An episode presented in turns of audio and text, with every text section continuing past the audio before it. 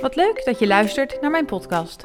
Ik ben Chantal Smink en sinds 2010 bezig met SEO. Ik denk anders over SEO dan gebruikelijk. In mijn podcast hoor je dus niet de geëikte tips en trucjes.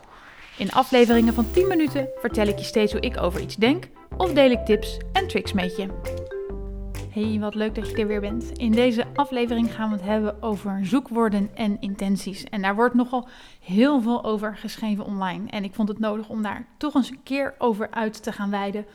Omdat ik denk dat het allemaal net iets anders ligt dan ehm, we op het internet delen en aan jou vertellen. Laten we eerst even kijken naar intentie. Wat we uh, vaak zeggen is dat een keyword een bepaalde intentie heeft. Zo kan je het keyword jeans hebben. En daar hoort dan de intentie bij, dat je het misschien wel wilt kopen of wilt vergelijken. Dus dan spreek je van een transactionele of een commerciële intentie. Nou, de tip die je heel veel online leest is om uit te gaan zoeken welke intentie zie je terugkomen in de zoekresultaten en daar dan de juiste content voor te gaan maken. En omdat we intentie zo belangrijk vinden, zijn er ook een heleboel tools die het al voor je uitkouwen. Dus als jij een keyword tool hebt en die houdt jouw rankings bij, dan zal die zeggen: hey, op dit keyword is jouw ranking dat en de intentie is X. Nou, ik denk dus wat ik al zei dat dat uh, wat anders ligt en dat het eigenlijk uh, um, van alles door elkaar gaan zien. En als we kijken naar intenties, Google had er altijd vier, of maakte onderscheid tussen vier intenties: um, informationeel, navigerend, commercieel en transactioneel. Waarbij ze eigenlijk zeiden: navigerend is iemand die bijvoorbeeld YouTube zoekt, maar dat niet intoetst in de adresbalk, maar in Google. Nou, commercieel en transactioneel vind ik een beetje op elkaar lijken. Je wil iets gaan kopen waarbij je bij commercieel misschien er nog niet helemaal uit bent. En dan heb je nog informationeel dat je echt meer te weten wilt komen. Nou, opvallend is dat in de laatste versie van de Quality Raters Guidelines zie je dat Google vier andere termen gebruikt. Namelijk um, no queries, dus queries om iets te weten te komen. Do queries, zoekopdracht om iets te doen omdat je een doel hebt website queries, het oude navigerende. Je wil naar YouTube, maar tik dat eh, in Google in. En visit in person queries. Dus een gebruiker wil naar een plek toe. Nou, en wat al meteen opvalt is dat Google ook in die handleiding zegt dat queries multiple intents kunnen hebben. Dus één keyword kan heel veel meer intenties beslaan. Nou, en als je kijkt naar Nederland zie je dat dat nog best in grote lijnen meevalt. Hè? Um, als je zoekt naar jeans, dan zie je heel veel product lister pages met het overzicht van spijkerbroeken die die shop heeft. Maar dat is eigenlijk ook zo bij bijvoorbeeld mascara, bij shampoo, bij uh, een heleboel van dit soort redelijk commerciële, transactionele zoektermen. Zie je dat die zoekresultaten er ook zo uitzien.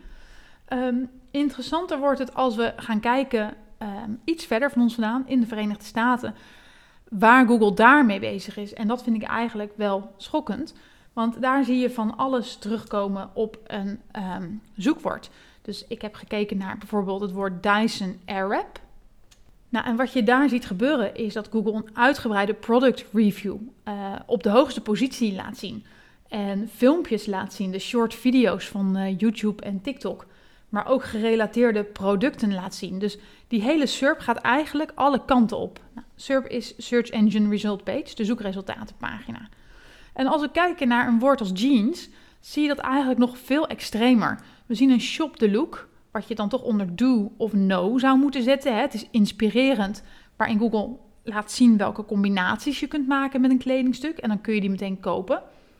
We hebben organic shoppingboxen, die we in Nederland maar weinig zien. Um, nou, in Amerika bezetten die de hele eerste pagina zo ongeveer. Um, wat volgens mij echt een do-intentie heeft. Ik zie YouTube-video's terugkomen wat no zou moeten zijn. Dan een hele andere module Things to Know. Die lijkt op onze mensenvraag ook. Maar waar dan informatie in staat over, de, um, over het product. Dus wat je moet weten over materialen en eigenschappen. En dan zien we opeens een be, um, resultaatrenken van New York Times en Vogue Magazine. En dat zijn inspirerende items waarin ze mensen iets vertellen over jeans en spijkerbroeken of een speciaal model. En uh, nou, tot slot dan ook dus die Google Maps, hè, de visit in person. Dus je ziet alle intenties terugkomen in die ene SERP.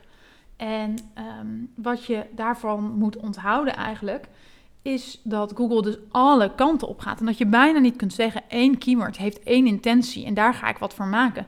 Google laat echt alles zien wat maar relevant lijkt te zijn. Want wie op jeans even verder scrolt, krijgt een hele uitgebreide Google Explore module te zien. Waarin Google eigenlijk van alles erbij haalt aan tips over uh, de beste jeans voor vrouwen over de 40, uh, eh, zie ik staan. Um, how to style the straight leg cut. Dus dat is een bepaalde uh, ja, mode van, van de pijpen. Het wordt er allemaal bijgehaald. Google laat het allemaal zien op dat ene zoekwoordje jeans. En um, nou, de, de eerste conclusie die we dus al hadden getrokken is: één keyword heeft niet één intentie. Ik denk dat je dus zelf moet gaan kijken wat zie jij terugkomen in de SERP. En dan moet je niet in Nederland gaan doen, maar in Amerika, want daar gaan we waarschijnlijk toch wel heen. Hè? Dat is toch hoe Google uh, eruit komt te zien. Wat je ook kan concluderen is dat een keyword los lijkt te komen staan van de content die, die rankt. Hè? Het keyword jeans triggert toch content over skinny jeans, high-waisted jeans, um, over verschillende maten en prijzen. En als je zegt, ik wil dit allemaal wel eens zien. Ik heb hier dus een blog over gemaakt met alle afbeeldingen erbij. Uh, daar kun je even doorheen uh, struinen. Nou, en dan zie je dus eigenlijk dat je dus ook dat keyword echt wel los moet gaan halen van de content die je gaat maken. En dan de derde conclusie, en die heb ik al vaker met je gedeeld, is dat SEO echt heel veel verder gaat dan alleen maar tekst en product lister pages, als we het over webshops hebben. Um, als jij gaat kijken wat je er allemaal terug ziet, hè, de, uh, de visual stories, die komen van TikTok, van Facebook, van YouTube. Je ziet um, de, de productbox die we in Nederland niet hebben. En in die productbox, hè, dan klik je door op bijvoorbeeld één type mascara. En dan zie je de shop staan waar je dit kunt kopen. En dan gaat het om prijs en levertijd. Die concurrentie wordt daarop uitgevochten. Dus um, ik kan het je alleen maar op het hart drukken. Laat alle bekende geëikte trucjes los um, waar je altijd mee gewerkt hebt en wat je altijd hebt gedaan. Een keyword heeft niet meer één intentie. Het gaat alle kanten op. Zolang het maar relevant is, kan Google het erbij laten zien. En in Nederland zien we het nu nog niet, dus zet ook niet vol erop in. Maar zorg wel dat je het in ieder geval naast elkaar gaat doen. Hè? Dat je niet alleen maar op textuele content, content en product listers leunt. Want die product listers zie je echt heel veel minder uh, aan de overkant bij, ja, aan de overkant van de grote plas.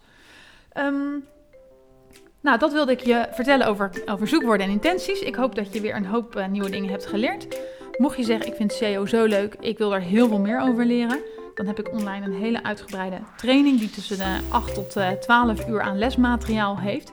En daar leer ik je allemaal dit soort dingen en ook invalshoeken om aan content te komen. Om dus niet vanuit die keyword focus je content te gaan maken, maar vanuit de gebruiker en wat die wil weten.